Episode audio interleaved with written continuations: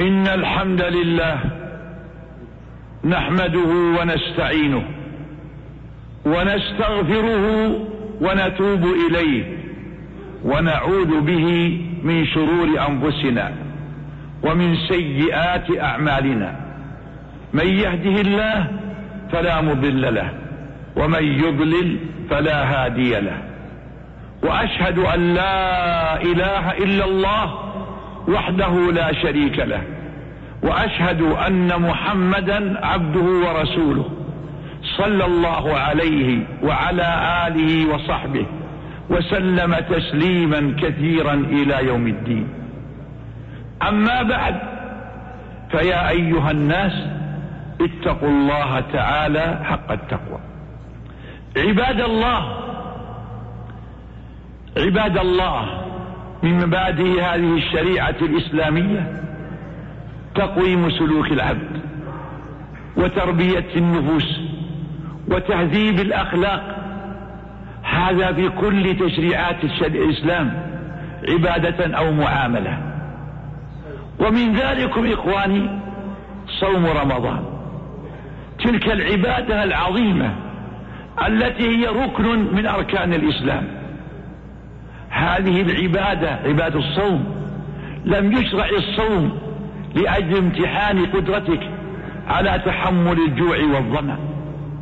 لم يشرع الصيام لتعذيبك بالجوع والظمأ وامتحان قدرتك على ذلك.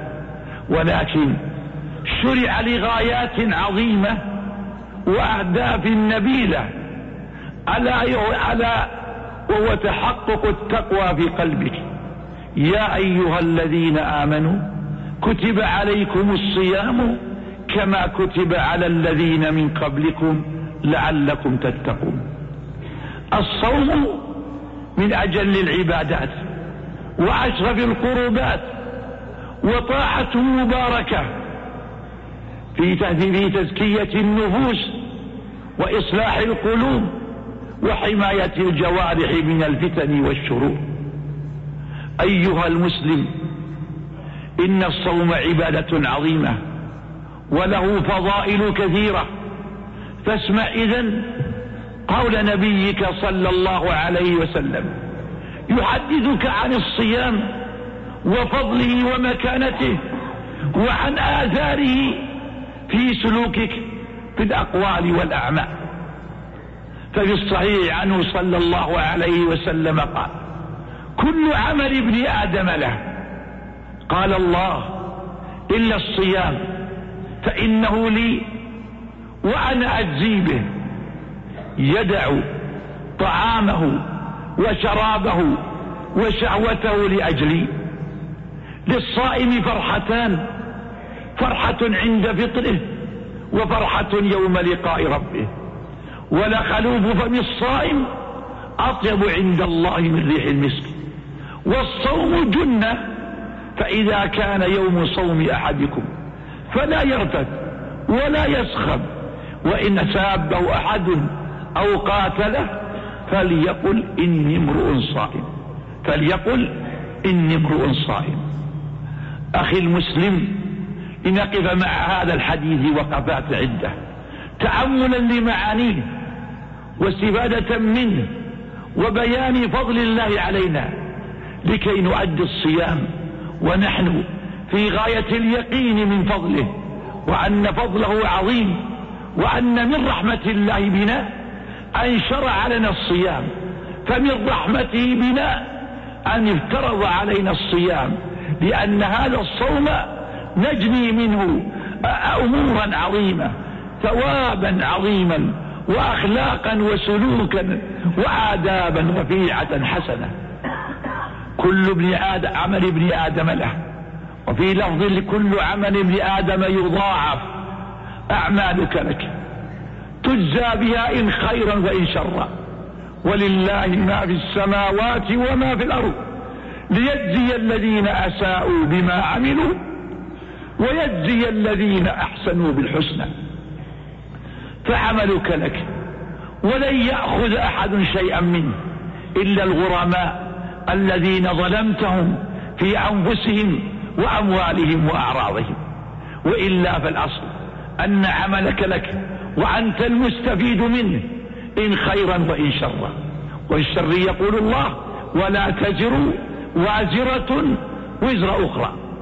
فكل عملك لك ومن فضل الله عليك أن جعل الحسنة بعشر أمثالها والسيئة بمثلها أو يعفو الرب. من جاء بالحسنة فله عشر أمثالها ومن جاء بالسيئة فلا يجزى إلا مثلها وهم لا يظلمون. وفي الحديث يقول النبي صلى الله عليه وسلم عن ربه أنه قال إذا عمل ابن عبدي حسنة إذا هم عبدي بحسنة فلم يعملها فاكتبوها له حسنة فإن عمل بها فاكتبوه لها بها عشر حسنات إلى سبعمائة ضعف إلى أضعاف كثيرة. وإن هم عبدي بالسيئة فلم يعملها فلا تكتبوها. فإن عمل بها فاكتبوها له سيئة واحدة. أيها المسلم كل عملك لك إلا الصيام. أما الصيام فإن له خاصية خصوصية أخرى. الصيام كل عمل عمل ابن آدم له إلا الصيام. قال الله إنه لي. قال الله إن الصوم لي. إنه لي. أضاف الصومك إليه تشريفا وتقديرا. تشريفا وتقديرا وثناء عليك فما أعظمه من نعمة. أضافه الله إليه من باب التشريف والإكرام والتعظيم ورفع المنزلة. إنه لله حقا. الصوم لي. ثم قال وأنا أجزي به. فهو لله والله جل وعلا هو الذي يتولى جزاء ذلك العمل مزيدا من الفضل والإحسان. لماذا؟ لماذا الصوم لي وأنا أجزي به؟ لأن الصائم عامل الله بالصدق في خلواته كما عامله في أثناء رؤية الناس له فهو يعامل الله بالسر. آمن بالغيب وأن الله مطلع عليه وعالم بسره وعلانيته. ترك مشتهيات النفس من طعام وشراب ونساء مع التمكن مع القدرة مع التمكن مع القدرة. لكن لكن هناك في القلب واعظ وهو معرفته بمراقبة الله له واطلاع الله على سره وعلانيته وأنا أجزي به يدع طعامه وشرابه وشهوته لأجلي لأجل هذا عظم الثواب. أيها المسلم ثواب الصائم لا يقدر باسم ضعف بل يضاعف أضعافا لا يعلم قدرها إلا الله. أضعافا عظيمة أضعافا عظيمة. يذاب بما لا عين رأت ولا أذن سمعت ولا خطر على قلب بشر. إن الأعمال الصالحة أحيانا قد تتقالها ولكن قوة الإخلاص وقوة الإيمان يجعل هذا العمل القليل منزلته كبيرة يثقل بها ميزان العبد. ألا ترى البغي من بني إسرائيل؟ سقت كلبا فشكر الله لها فأدخلها الجنة. قطع شجرة تؤذي الناس فغفر الله له فأدخله الجنة. كل هذه الأعمال وإن قلت أحيانا لكن قوة الإخلاص قوة اليقين قوة الإيمان تجعل هذا العمل اليسير يحتل منزلة رفيعة الصوم أخي المسلم يدع الصائم طعامه طعامه وشرابه وشهوته لله جل وعلا يرجو بها ثواب الله يوم, يوم قدومه عليه. يرجو بها ثواب الله يوم قدومه عليه لأجل ثم أخبر أن الصائم له في هذه الحياة فرحتان. فرحة عند فطره فعندما تغرب الشمس فالمسلم فرح. بماذا؟ فرح بأن الله جل وعلا أعانه. فاستكمل صيام ذلك اليوم في صحة وسلامة وعافية. ثم فرح بإعطاء النفس مشتهياتها التي جعلها الله سببا لقيام النفس. ثم يفرح بفرح آخر يوم قدومه عليه وفرح فرحة يوم الفطر وفرحة يوم لقاء ربه. يوم يلقى ربه في ذلك اليوم الذي لا ينفع فيه مال ولا بنون إلا من أتى الله بقلب سليم. ربنا إنك جامع الناس ليوم لا ريب فيه. إن الله لا يخلف الميعاد. في ذلك اليوم لا تنفع إلا الحسنات. إلا الحسنات الخالصة لوجه الله. لا ينفع مال ولا بنون.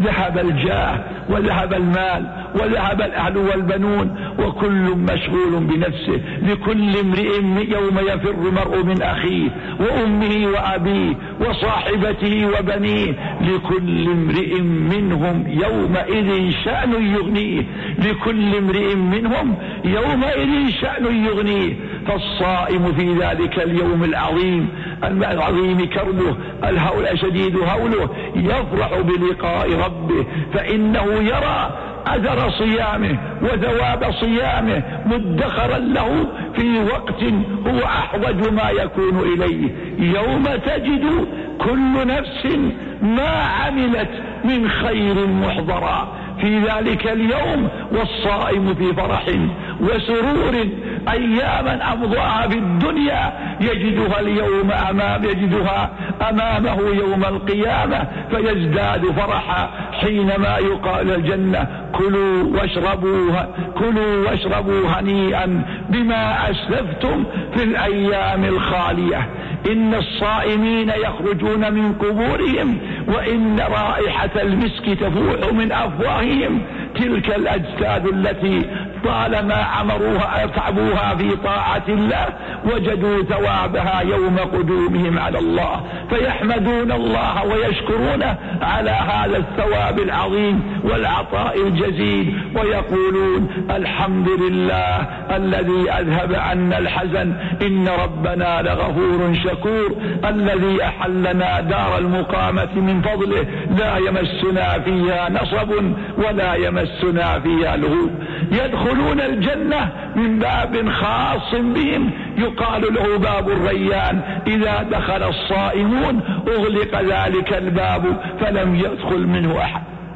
أيها المسلم فرحه يوم لقاء ربه. قل بفضل الله وبرحمته فبذلك فليفرحوا. هو خير مما يجمعون. وإن خلوف فم الصائم أطيب عند الله من ريح المسك.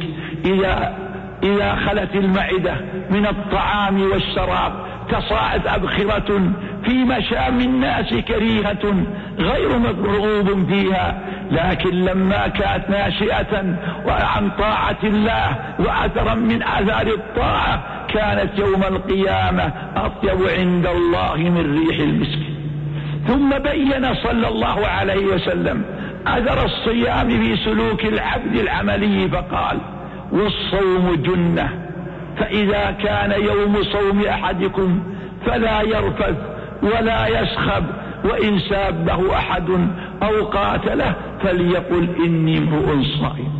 الصوم جنة وحاجز عن المعاصي وواق عن الشرور ومنقذ للعبد من الغواية وسائرا به إلى طريق السعادة والهداية. هو جنة يمنعه من الشرور ويحول بينه وبين السوء القولي والعملي. إذا الصائم لا يرفث ويجتنب الأقوال البذيئة الأقوال الهابطة الأقوال الساقطة الأقوال التي لا خير فيها. ولا يسخب ولا يغضب ولا يكن طائشا بل يكون متخلقا بعلم وأناءة ورفق في أموره كلها. لا يقابل لا يخوض مع السفى في سبههم ولا مع الجهلة في جهلة جهالتهم. لكنه مهذب اللسان طيب القلب صادق السريرة.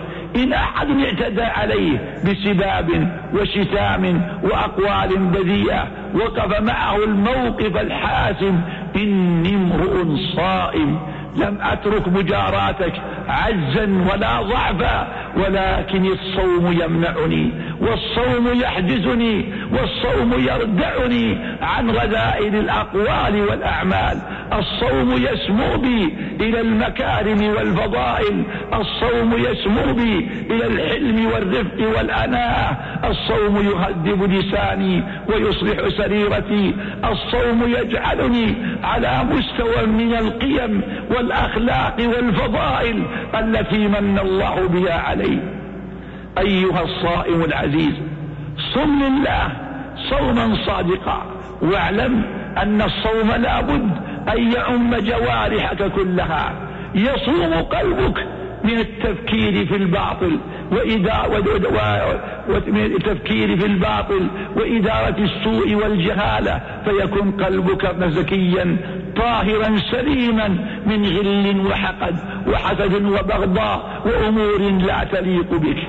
يصوم لسانك فلا غيبة لمسلم ولا نم تسعى بها ولا بهتان تربي ترمي به مسلم ولا سخرية ولا استهزاء ولا احتقار لمسلم يصوم لسانك فلا تقول إلا الحق.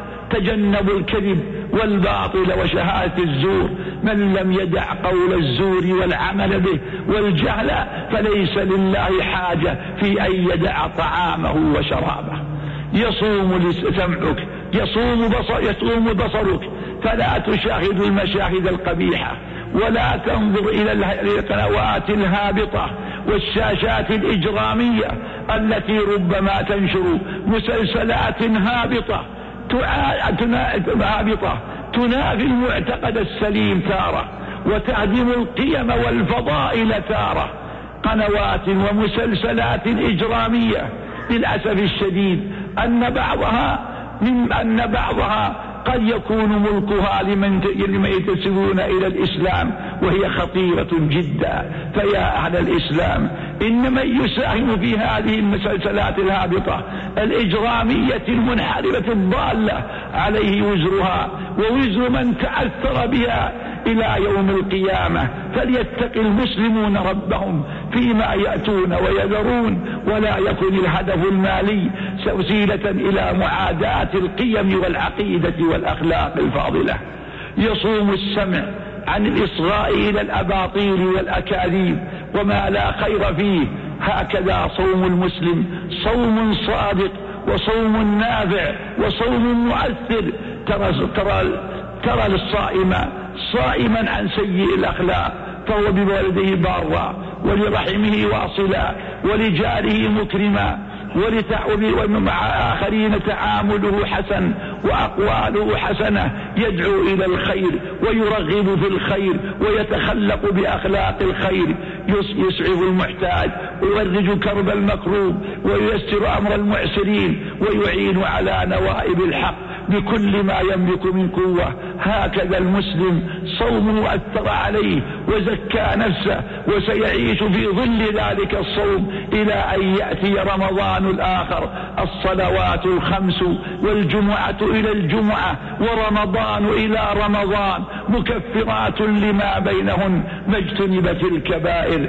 إن صوم رمضان زكى نفوسا عالية جاهدوا في الله وخاضوا معاركا عظيمة في رمضان. فلم يكن رمضان شهر كسل ولا إخلال الأرض ولكن كان شهر عندهم شهر عبادة ودعوة وجهاد وإصلاح القلوب وبذل الخير والدعوة إلى الله. هكذا كان رمضان. يفهمه سلفنا الصالح الفهم الحقيقي الذي دل الكتاب والسنة عليه فنسأل الله أن يجعل صيامنا مشكورا وذنبنا مغفورا وأن يوفقنا فيه لما يرضيه من الأقوال والأعمال. إنه على كل شيء قدير. وسارعوا إلى مغفرة من ربكم وجنة عرضها السماوات والأرض. أعدت للمتقين الذين ينفقون في السراء والضراء والكاظمين الغيظ والعافين عن الناس والله يحب المحسنين والذين إذا فعلوا فاحشة أو ظلموا أنفسهم ذكروا الله فاستغفروا لذنوبهم ومن يغفر الذنوب إلا الله ولم يصروا على ما فعلوا وهم يعلمون أولئك جزاؤهم مغفرة من ربهم وجنة عرضها السماوات والأرض أعدت للمتقين. بارك الله لي ولكم في القرآن العظيم ونفعني وإياكم بما فيه من الآيات والذكر الحكيم. أقول قولي هذا وأستغفر الله العظيم الجليل لي ولكم ولسائر المسلمين من كل ذنب. فاستغفروه وتوبوا إليه إنه هو الغفور الرحيم. الحمد لله حمدا كثيرا طيبا مباركا فيه. كما يحب ربنا ويرضى. وأشهد أن لا إله إلا الله وحده لا شريك له. وأشهد أن محمدا عبده ورسوله صلى الله عليه وعلى آله وصحبه وسلم تسليما كثيرا إلى يوم الدين. وبعد أما بعد فيا أيها الناس اتقوا الله تعالى حق التقوى. أخي الصائم صومنا أمانة. بيننا وبين ربنا.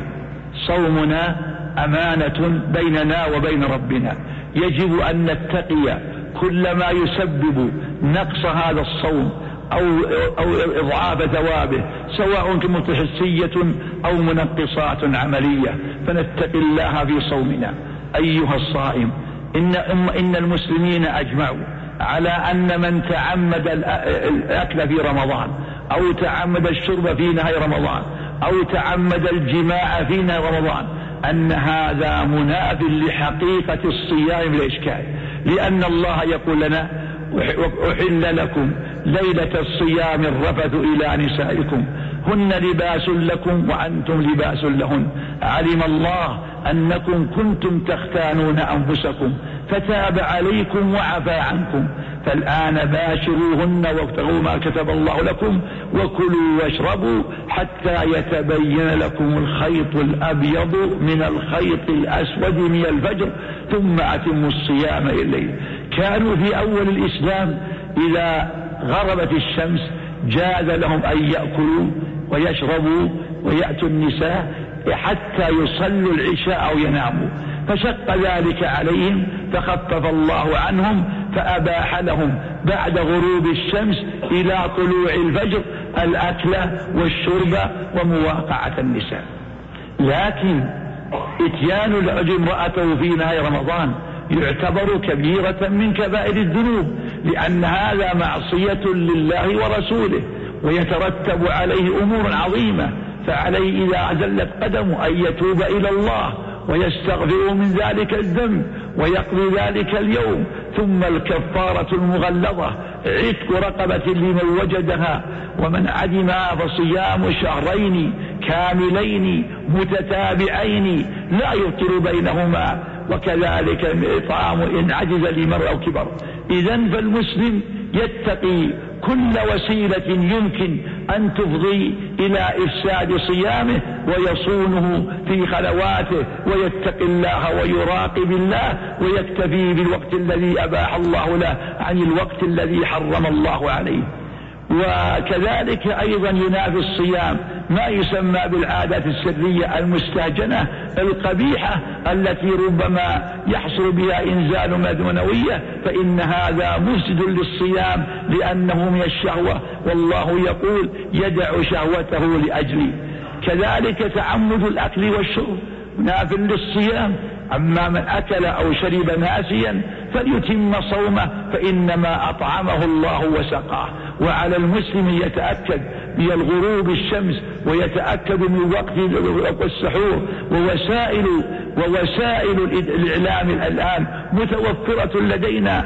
الإنسان يدري على الوقت. بجواله الساعة الهاتف وسائل الإعلام. الأمر واضح جلي. لا ينبغي يتساهل في أمر الإفطار أو أمر السحور. فربما أكل قبل غروب الشمس أو ربما أكل بعد طلوع الفجر الثاني ويعلل ذلك بكذا وكذا. فالأمور الآن واضحة والشيء أمامك واضح. فاتق الله في ذلك.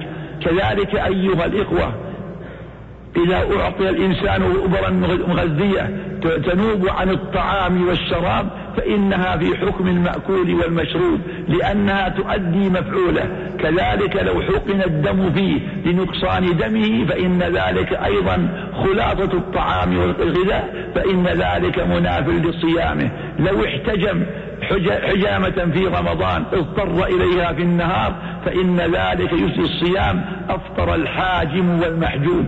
لو سحب منه دم كثير لأجل إسعاف مريض محتاج إليه جاز له ذلك لكن يقضي هذا اليوم لأنه بمنزلة الحجامة. لو خرج القيء منه من غير اختياره غلب عليه فإن ذلك لا يؤثر على صيامه. لكن لو طلب القيء لأجل أن يرتاح من تلك الوجبة فإنه يعيد ذلك اليوم لأن النبي صلى الله عليه وسلم قال من ذرأ من من, ذرأ القيء فلا قضاء عليه ومن استقاء فعليه القضاء. أما بخ أما بخاخ البخاخ الذي يستعمل من طريق الفم أو أو الفم أو أو الأنف فإن ذلك لا ينافي الصيام لأنه ليس طعاما ولا شراب ولكنه يستعمل لتوسعة المسالك الهوائية فلا يؤثر على الصيام. تنظيف أسنانك أو قلع سنك إن احتجت إليه فإن ذلك لا يؤثر عليك. خروج الدم بجراحة جرحتها أو شيء سقط عليك فإن ذلك لا يؤثر على صيامك. المرأة المسلمة إذا أتاها الحيض ولو قبل المغرب بدقائق وجب عليها أن تفطر ذلك اليوم وتقضيه المرأة المسلمة إذا أسقطت سقطا لم يجاوز الثمانين يوما فإن هذا لا يسمى نفاسا بل هو دم فساد تصلي وتصوم فيه. المرأة المسلمة إذا اضطربت عليها العادة الشرية فإنها تنظر في الأمور التالية. فإذا اشتبه الأمر عليها فإنها تجلس أيام العادة السابقة إلى أن يستقر الوضع. الصفرة والكدرة السابقين للحيض يعتبر في حكم الحيض تفطر المرأة فيه. كذلك الصفرة والكدرة بعد الدم المتصل به يعتبر في حكم الحيض تفطر وتصوم وتقضي أيام مكانه. أيها المسلم فلنحرص على صيامنا قوليا وفعليا وأن نحفظه من منقصاته ومفسداته ولنسأل الله التوفيق والسداد ولنستغل هذه الأيام لا سيما عند الإفطار وعند السحور بالالتجاء إلى الله والتضرع بين يديه وأن ننزل بالله حاجتنا فالله قريب مجيب وإذا سألك عبادي عني فإني قريب أجيب دعوة الداعي إذا دعاني فليستجيبوا لي وليؤمنوا بي لعلهم يرشدون. واعلموا رحمكم الله أن أحسن الحديث كتاب الله وخير الهدي هدي محمد صلى الله عليه وسلم وشر الأمور محدثاتها وكل بدعة ضلالة وعليكم بجماعة المسلمين فإن يد الله على الجماعة ومن شد شد في النار. وصلوا رحمكم الله على عبد الله ورسوله محمد كما أمركم بذلك ربكم. قال تعالى إن الله وملائكته يصلون على النبي يا أيها الذين آمنوا صلوا عليه وسلموا تسليما. اللهم صل وسلم وبارك على عبدك ورسولك محمد. وارض اللهم عن خلفائه الراشدين أبي بكر وعمر وعثمان وعلي وعن سائر أصحاب نبيك أجمعين وعن التابعين وتابعيهم بإحسان إلى يوم الدين. وعنا معهم بعفوك وكرمك وجودك وإحسانك يا أرحم الراحمين. اللهم أعز الإسلام والمسلمين. وأذل الشرك والمشركين ودمر أعداء الدين وانصر عبادك الموحدين واجعل اللهم هذا البلد آمنا مطمئنا وسائر بلاد المسلمين يا رب العالمين. اللهم آمنا في أوطاننا وأصلح أئمتنا وولاة أمرنا. اللهم وفقهم لما فيه صلاح الإسلام والمسلمين. اللهم وفق إمامنا إمام المسلمين عبد الله بن عبد كل خير. اللهم أمده بعونك وتوفيقك وتأييدك. اللهم كن له عونا فيما أهمه. اللهم اجمع به كلمة الأمة وحديثه على الخير والتقوى. وبارك له في عمره وعمله. اللهم جد عضده بولي عهده سلطان عبد العزيز وأبده الصحة والسلامة والعافية. سدده في أقواله وأعماله. اللهم وفق النائب الثاني واعنه على مسؤوليته. إنك على كل شيء قدير. واجعل أئمة هدى وقاة خير. إنك على كل شيء قدير. ربنا اغفر لنا ولإخواننا الذين سبقونا بالإيمان. ولا تجعل في قلوبنا غلا للذين آمنوا. ربنا إنك رؤوف رحيم. ربنا ظلمنا أنفسنا وإن لم تغفر لنا وترحمنا لنكونن من الخاسرين. ربنا آتنا في الدنيا حسنة وفي الآخرة حسنة وقنا عذاب النار.